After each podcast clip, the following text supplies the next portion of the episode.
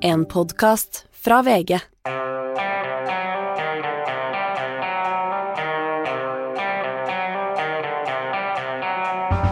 Ikke visste jeg at alle disse dagene som kom og gikk, de var selve uke 39. Nok en dramatisk uh, uke for verdenssituasjonen. Stadig mer dramatisk. Uh, og vi kommer til å bruke hele denne uh, fredagsutgaven av Giæver og gjengen til å snakke om det, og har fått for første gang på en god stund en gjest utenifra. Velkommen til deg, Anders Romarheim. Takk. Du er altså Du leder Senter for internasjonal sikkerhet på Institutt for forsvarsstudier. Ja, det stemmer. Det må være en av Norges mest intense jobber akkurat nå? Det er veldig spennende. Det er eh, omskiftelige tider. Eh, vi prøver å følge med på alt som er viktig å følge med på for Forsvaret, for Norge, for forskningen, og det er, det er et privilegium. Veldig mange flinke unge ansatte hos oss nå, så det er veldig gøy. Hvor, altså, hvor lenge siden er det at Norge har vært i en sånn sikkerhetssituasjon, eller har vi noen gang vært i en sånn sikkerhetssituasjon siden annen verdenskrig? Dette er uhyre tilspisset situasjon. Vi har ikke vært i noe lignende helt lignende. Det har vært kriser, og man glemmer dem fort. Men for Norges del så er det nå veldig akutt det at vi nå vet at noen, og noen kan godt være Russland, men vi vet at noen sprenger gassrørledninger i våre nærområder, som er ja, for en olje- og gassproduserende nasjon, største leverandøren til kontinentet, så er det så er det alarmerende, den utviklingen vi ser nå. Vi har jo altså Vår rolle i Nato uh, blir ofte understreket at vi er Nato i nord. Ja. Vi, er liksom, vi er lensmannskontoret oppe uh, lengst nord i Nato. Ja. Uh, har vi tilstrekkelig ressurser og mannskap til å bemanne dette lensmannskontoret? Ja, det er det mangler jo en fregatt i strukturen, da. Nå kommer jo sånne ting tilbake og biter oss litt. Vi husker hva som skjedde med den, den ene. Helge Ingstad, ikke ja. sant. Det, det, det, det syns jeg jo Forsvaret har fått for lite tyn for, forvaltningsmessig. Å søle bort fem-seks milliarder på den måten. At alle overlevde er fint, og det er kanskje det viktigste. Men materiell for fem-seks milliarder mangler av det vi skal seile rundt med og ha nærvær rundt installasjonene på. Nå er ikke jeg kjent med alt Forsvaret og politiet nå eh, gjør. Det skal jeg ikke være. Eh, det skal heller ikke eh, nødvendigvis pressen og mediene være. og de vi beskytter oss mot, skal jo ikke få vite alt vi foretar oss. Vi er nok litt tynt besatt til å, til å løse hva skal vi si, suverenitetshevdelse, patruljering og sikring i en tilspisset tid, der jo verdiene hos oss, som er trua, olje- og gassinstallasjoner, har et økt for høyt trusselnivå nå. De er langt til havs, og er, de er spredd godt utover. Ingen kan patruljere langs hele rørledningssystemet, det har blitt sagt Nei, mange ganger nettopp, denne uka. Det er mange tusen kilometer med, med rør. Jepp, men Ingen kan passe på alt det samtidig. Dette, altså For alt vi vet, kan det jo ligge klart sprengde elementer langs noe rørledning, noe av de 9000 km et eller annet sted, som ligger klart, som allerede er utplassert, og det er bare å trykke på en knapp. Det vet vi ikke. Det vi kan gjøre, er jo Altså, du kan ikke passe på 9000 km hele tida av rørledninger, men du kan følge etter suspekte aktører, suspekte skip som utviser en unormal aktivitet. Det vi, har vi fulgt litt med på, og, og, det har blitt rapportert om i mediene, og Forsvaret har et, har et årvåkent øye på det. Der tror jeg vi virkelig må, må, må steppe it up. Det, det må jeg si. Fordi eh, Da krigen starta, så var det jo snakk om eh, liksom, uh, russiske fiskebåter, og skulle vi gjøre noe, noe, med det? Og så var det en litt sånn norsk fiskeripolitikk ligger fast, og, ja. og vi, vi, av hensyn til vårt sivile naboskap med, med, russerne, så gjorde vi ikke noe med det. Var det en tabbe? Um, ja, kanskje. Eh, I dag uh, så hadde det vært praktisk å, å, å vært der Og når vi liksom har blitt hengende etter, sånn som Norge jevnlig blir, eh, noe av det eh, Grunnen til at vi henger etter, er fordi vi tross alt har en landgrense mot Russland. Eh, vi har forvalta et spesielt godt naboskap til, med tanke på vår Nato- og vestlig orientering, så har naboskapet i perioder, nå er vi ti år tilbake i tid, og mer enn det, vært godt. Og, altså til Russland, ja. ja. Og så er det en, en ting som man overser litt, da. Altså Å operere oppe i nord alt du skal drive med i Barentshavet, fordrer en form for eh, godt naboskap og kollektiv tankegang. Søk og redning er veldig viktig. Eh, vi husker jo ubåten Kursk og den typen ting. Og det har vært cruisebåter som har hatt problemer oppi der. Og... Ja. Eh, du har mye sånt, sånn at eh, det er litt annerledes å bare eh, eh, Skal vi si Det å nekte, nekte, noen en nødhavn er en veldig dramatisk ting å gjøre. Og, og det er eh, uetisk i Barentshavet. Så jeg tror kanskje de, de helt spesielle forutsetningene der oppe gjør at det har vært vanskeligere for Norge å dra i pluggen. da. Jeg ser jo Venstre blant annet har vært veldig tydelig på dette, at det, dette er kommersiell aktivitet. Dette er kroner i den russiske statskassa som benyttes til våpen og finansiering av grusomhetene i Ukraina. Så det ligger jo et, et, et, et eh, solid argument for å stoppe det. Men jeg syns ikke motstanderne av det står helt ribba uten, uten, noe å anføre for at den situasjonen der oppe er veldig spesiell. Men den kan ha blitt utnytta. Så når det blir avdekket hvordan russerne har operert eh, med skip i større og større grad på norsk sokkel, så, så kan jo dette vise seg å ha vært en form for naivitet, da. Nå uh, ser vi altså at dette er jo da en form for Hvis det er russerne som står bak, som vi hele tiden må si, uh, uh, så er jo dette en form for hybrid krigføring, som på mm. som vi sier i Follo, Putin kødder med oss. Ja. han gjør ting som ikke er direkte krigshandlinger eller noe sånt. Det er litt sånn Storskog for noen år siden, man slipper over masse mm. flyktninger. Nå har de sprengt disse, og det er i internasjonalt farvann. Mm. Så har eh, Jens Stoltenberg, Natos generalsekretær, vært ute og sagt at angrep, altså hybrid krigføring, angrep på, på uh, gassrørledninger og, den type infrastruktur, mm. er å anse som et brudd Eller det utløser artikkel 5 i Nato, som betyr én for alle, alle for én. Mm. Uh, så da blir det krig hvis han gjør det. Men er det, er det grunn til å tro at Eh, Putin vil gå over og utløse en sånn artikkel fem-greie? Har ikke han mer enn nok med den krigen han har rota seg opp i? Eh, at, at, ja, han vil kødde med oss, men, eh, men, han vil aldri finne på å, å, sette i gang det som utløser rett og slett en verdenskrig. Du, det der er et uhyre intrikat spørsmål som ingen har det fullgode svaret på akkurat nå. jeg vil si at det vi nå vet, er at det kan utløse artikkel 5. Eh, men utløsningen av artikkel 5 er en politisk prosess. Det er ikke en sånn doomsday-maskin fra Dr. Strangelove at det, det, smeller uansett. Nei, at nå er bare Det er ikke, sånn, det er ikke War Games hvor mm. de bare begynte å gå av seg selv. Nettopp. Det er ikke den typen sak. Det er en politisk prosess. Eh, jeg, eh, jeg er helt med på at dette kan utløse artikkel 5 hvis du får et stort nok sabotasjeangrep, men hvis en norsk rørledning skulle bli sprengt, og vi er rimelig sikre på at det er Russland, Ønsker vi da å erklære dem krig på den bakgrunn? Vil vi betrakte det som en krigserklæring? Eh, for her er det jo trusler eh, og høyt spill, eh, og man vil fast, vise fasthet og besluttsomhet. Hvis det bare er snakk om ett enkeltstående anslag mot hva skal vi si, et objekt som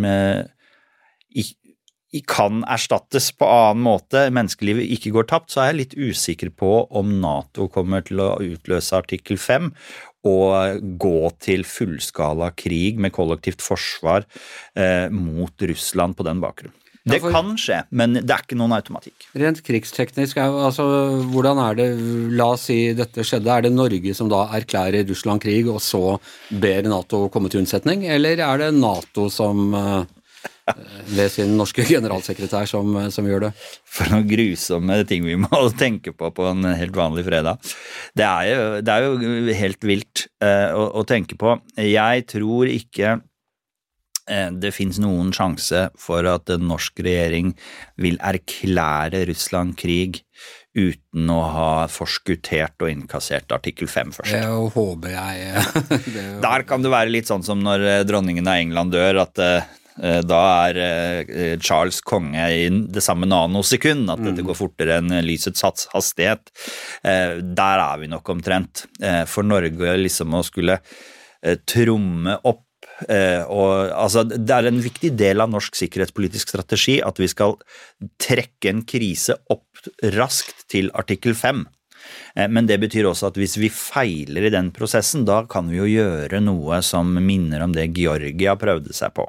Eh, da Putins militære revisjonistiske tokt begynte. I 2008? 2008. Ja. Da prøvde jo de liksom De, de gambla jo litt på at Vesten ville komme dem til unnsetning. Eh, og eh, senator John McCain var vel en av de amerikanske lederne som gikk lengst i å si vi må, nå må vi ta fighten. Under valgkampen med Obama, han ja. var litt haukete? Ja. Han var skikkelig haukete da, hvis du husker det godt, ja. Det, og, og, og, den typen retorikk ikke sant, fikk dem til å tenke ja, vi trenger ikke bøye noe av, her må vi bare eskalere, og så får vi vestlig assistanse. Det fikk de ikke. Og så går det 14 år, og så kommer det en situasjon som er eh, mye drøyere, og da kommer den vestlige assistansen. Mm. Og det, det er eh, ja, det er eh, litt av en situasjon vi står i. Eh, det er veldig kort igjen, ser vi nå, til reelle kamphandlinger mellom Russland og Nato. Vi har ikke så mange flere klikk på skalaen før, det, før vi er der. Og, det, og Natos uttalelser nå er jo dette kan gjengjeldes, gjengjeldes altså anslag mot denne typen installasjoner på vår, eh, på vår sokkel, da, på Nato-sokkel, det kan eh, trigge en voldsom respons. Som jo er å lefle opp mot artikkel 5. Men i de uttalelsene jeg har sett, så har det ikke stått eksplisitt at da kommer det til å være artikkel 5, da, da blir det kollektivt forsvar. Men det kan komme. Ja, og, og Stoltenberg var jo ganske klar i denne her tweeten sin. og er Eh, er det egentlig nødvendig å skru opp retorikken på den måten? Skaper han ikke da enda mer uro? Eh, og det er grunn til å tro at Putin vet omtrent hvor grensen for artikkel 5 går, uten at mm. han må følge Twitter-feeden til Jens. Det kan du si på den ene siden, men jeg eh, vil anføre motargumentet òg som at vi ser lite eh, tegn til at Putin eh, stagges av noe annet enn makt, eh, fasthet og klare eh, beskjeder. Eh, knallhardt diplomati. Eh, altså det, det, stagga ikke at han gikk inn i, uh, gikk inn i Ukraina.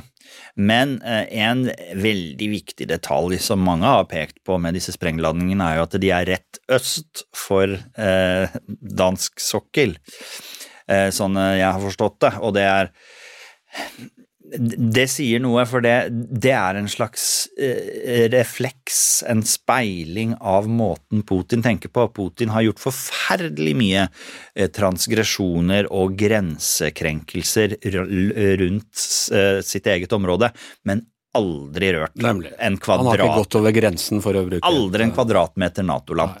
Og det samme ser ut til å gjelde under, under Østersjøen, da, på ja. et vis. Og altså, burde vi, både dere som informerer faglig om dette, og vi som er i mediene og sånne ting, uh, være litt bedre på å få fram dette her? Skaper vi unødig engstelse uh, rundt faren for ja, Altså, jeg får helt uh, jeg får helt déjà vu fra min barndom, hvor jeg var redd for atomkrig, eller hvor vi, vi levde under trusselen om atomkrig hele tiden.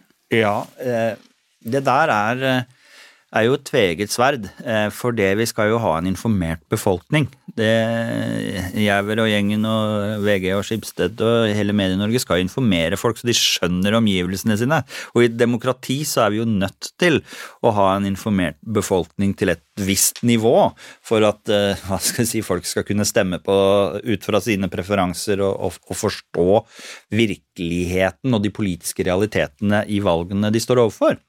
Eh, Så vi må på et vis informere. Eh, Men det er klart du får da et slags lite kilent deltaområde der høyt spill, det vi på engelsk kaller brinkmanship, der du strekker strikken helt til maks, eh, men liksom høyt spill i retorikken. Brink, altså på, på grensen eller opp mot eh, smerteterskelen, liksom? Jepp, at man liksom tar noen djerve valg i et forsøk på å avskrekke.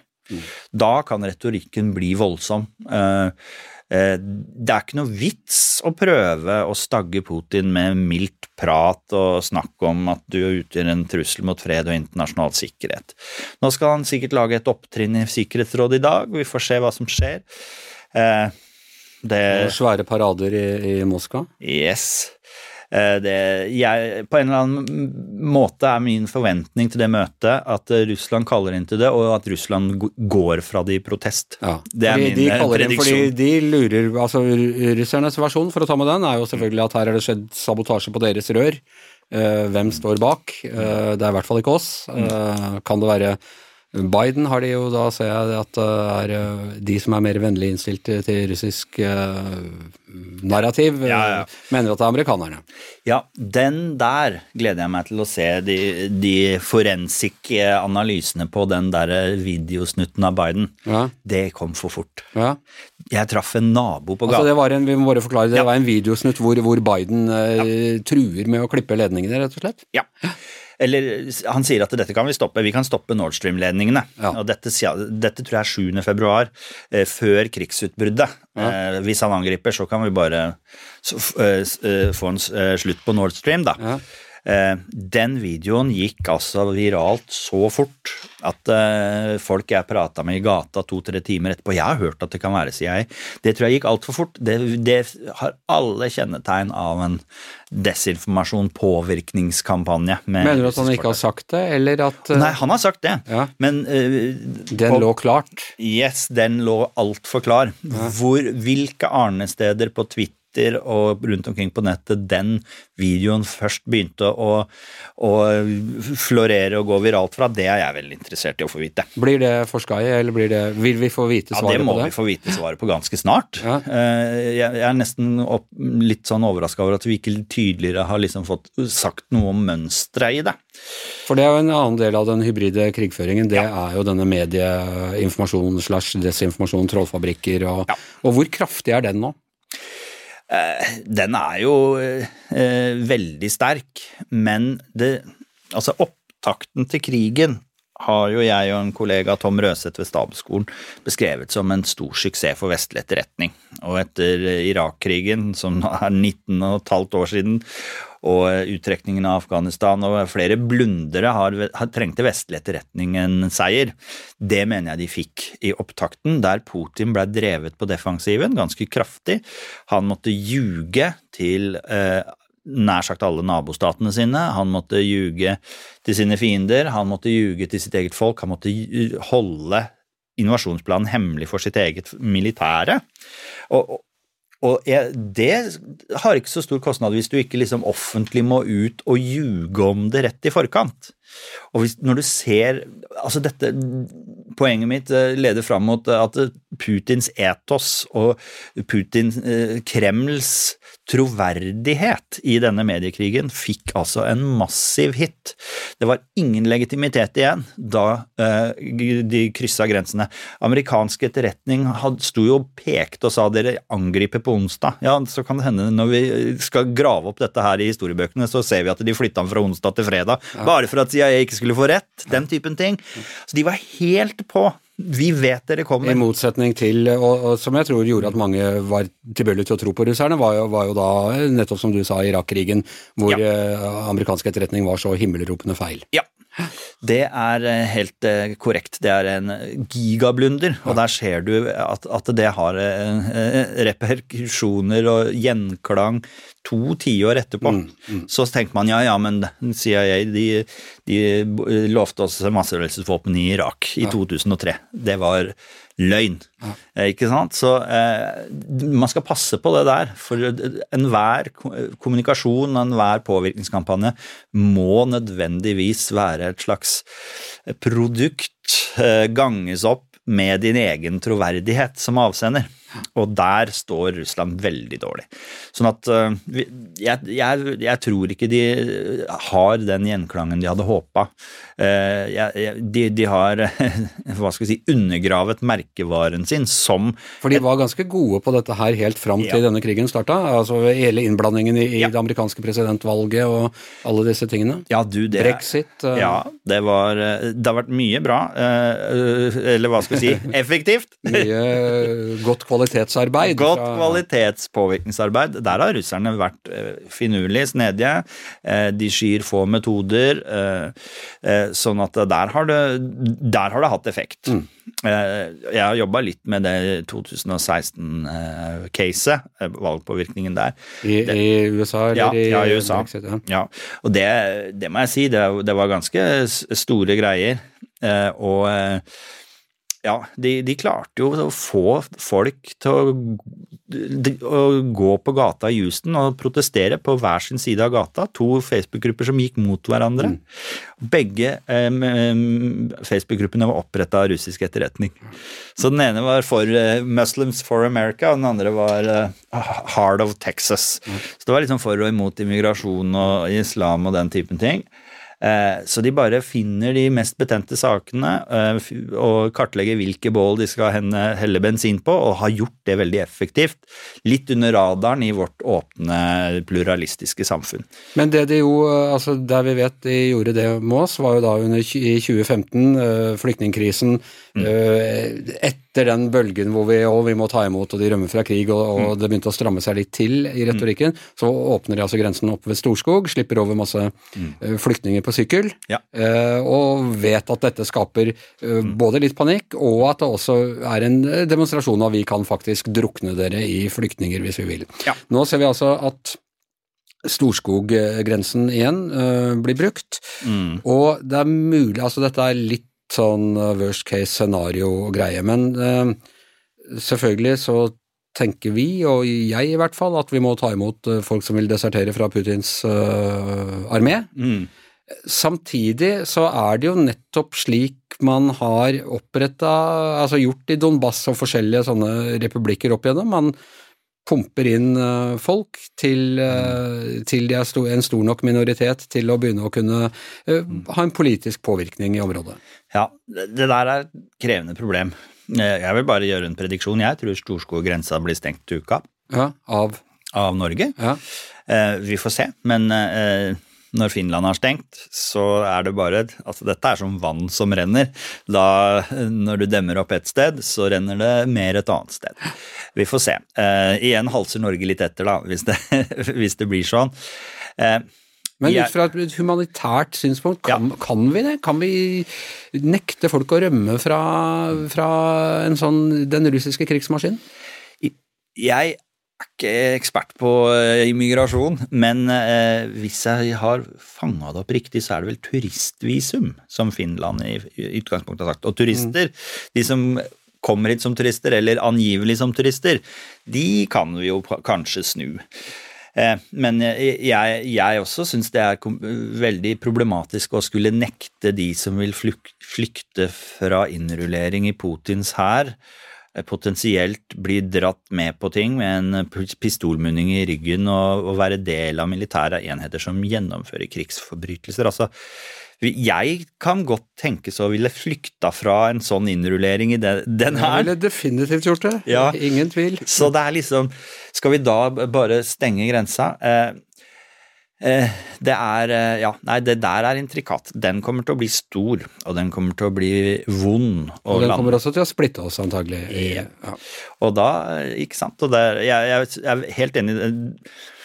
det Storskog-greiene, det, det, som skjedde den gangen med alle syklene og sånt, det, det, er klart det var en sånn der hybrid prøvekjøring. Ja. Det hybride Smart. Ja, Veldig smart. det er ganske gjennomtenkt. De, er, altså, de, de har jo vært veldig gode på hybridkrig Mm. Eh, eh, tidligere, med, med annekteringen av Krim liksom som et av, av, av eh, mesterstykkene, da. Og forsvart av mange mennesker i Norge, rett og slett. ja, ja, ja. Det er mange som tenker det var det. Og, eh, og, og eh, ikke så mange, men noen. Ja. det er sikkert en del som nå kommer til å tenke at uh, disse fire uh, oblastene har nå stemt og overveldende sagt at den russiske føderasjonen, det er, det er vårt valg. Ikke sant? Så der, der ligger det noe. Det, anslås, det er rett og slett Hitlers anslås. Ja, det, det er- var i samme argumentasjonen han brukte og sånn. Ja, da, dette er, uh, dette er dypt eh, graverende og alvorlig. Men kan en komplett legitim, legitimitetsfri politisk prosess som det der stagge fremgangen militært på bakken? For dette er en fullskala krig. Eh, krigen i Ukraina nå er ikke en hybridkrig. Det vi, det, det, du kan si det er en del av en kampanje. Mange tenker på hybride virkemidler som alt som ikke er kinetisk. Og det blir litt for enkelt. Eh, og, Men disse avstemningene er vel sånn type hybrid? ja, det, er, det kan du si. Syklister er litt sånn hybrid. Og så vil jeg jo si, sjøl om det er eksplosjoner, sabotasje, sabotasjen i Østersjøen Så lenge det er utenfor uh, Ja, det, da, det er jo ikke en fullskalakrig på en måte, men der har du litt sånn mye hybriditet eh, rundt det hele. Så det er eh, Ja, nei, det er det er fullskala krig i Ukraina, det må vi være klare på. Og hvis Ukraina med tiltagende vestlig støtte, som jeg tror de kommer til å få. Det Putin har gjort nå, er jo å gjøre seg mer, mindre populær på hjemmebane, tror jeg, med mobiliseringen sin. Så jeg er usikker på hvordan dette med, de fire oblastene kommer til å gå. Eh, Så der, der er han under press. Eh, Men jeg tror den vestlige viljen til å hjelpe, når, når på en måte innrulleringen i den russiske føderasjonen eh, ligger på bordet, den, den tror og håper jeg vil være tiltagende. Og Hvis de klarer å presse dem ut av disse områdene, så hvem bryr seg hva Putin klarte å få eh, eh, medløperne og quislingene til å si og stemme der under press, hvis det, det russiske forsvaret blir pressa ut derfra. Så sies det jo øh, Altså, russerne har vært på vikende front i flere områder. Det sies at de, de er i ferd med å slippe opp for våpen og sånne ting.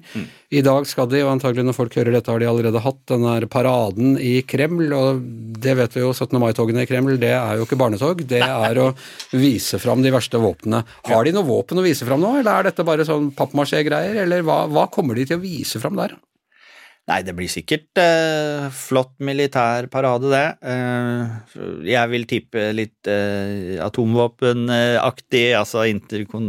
Ikke med eh, sprengladningen i, liksom, men Nei. rakettsystemer. Ikke med stridshoder, Ja, ikke med stridshoder, selvfølgelig. Eh, det, blir, eh, det blir den typen. Jeg tror eh, Jeg vil tippe, da, at det blir mer atomorientert enn før. For det er Det er jo det Sånn jeg tolker eh, en del av Putins strategi nå, er jo simpelthen å prøve å trekke atomterskelen nedover i Øst-Ukraina. Vi vet at det er en reell sjanse for at Putin bruker svarer med atomvåpen hvis en militær styrke begynner å invadere russisk territorium.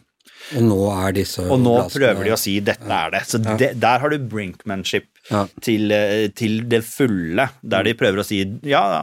For det de ser, er at man anerkjenner det. At da Den atomtrusselen tror jeg simpelthen vi må si er reell. Den tar vi på alvor. Hvordan håndterer vi da en form for verbal atomtrussel fra Putin om at han kommer til å gjengjelde med de verste våpnene som fins, hvis noen prøver å ta de fire nye eh, fylkene hans. Den er kilen. Eh, jeg eh, sier eh, det er litt hardt stå fast, gå på. til Til Ukraina. Ja. De kan ikke stoppe. Vesten kan ikke, vi kan ikke si at dette er i orden. Er det noe tilsvarende en artikkel 5 for bruk av atomvåpen når det ikke er når det ikke er inne på type Natos territorium? At, at hvis, en, hvis, en, stat bruker atomvåpen mot en annen stat, så har eh... Nei, det tror jeg ikke fins. Eh, alt i Nato-pakten, sånn jeg kjenner den, handler om hva noen gjør mot Nato. Så har du hatt denne fasen med out of area operations, som fortsatt de sterkeste Nato-motstanderne Som var i Afghanistan og, ja. og forskjellige andre steder i, i, den perioden hvor ting gikk litt fredeligere for seg her, eh, ja. her i Vesten. Men den tankegangen er helt parkert i Nato, og det har den vært ganske lenge.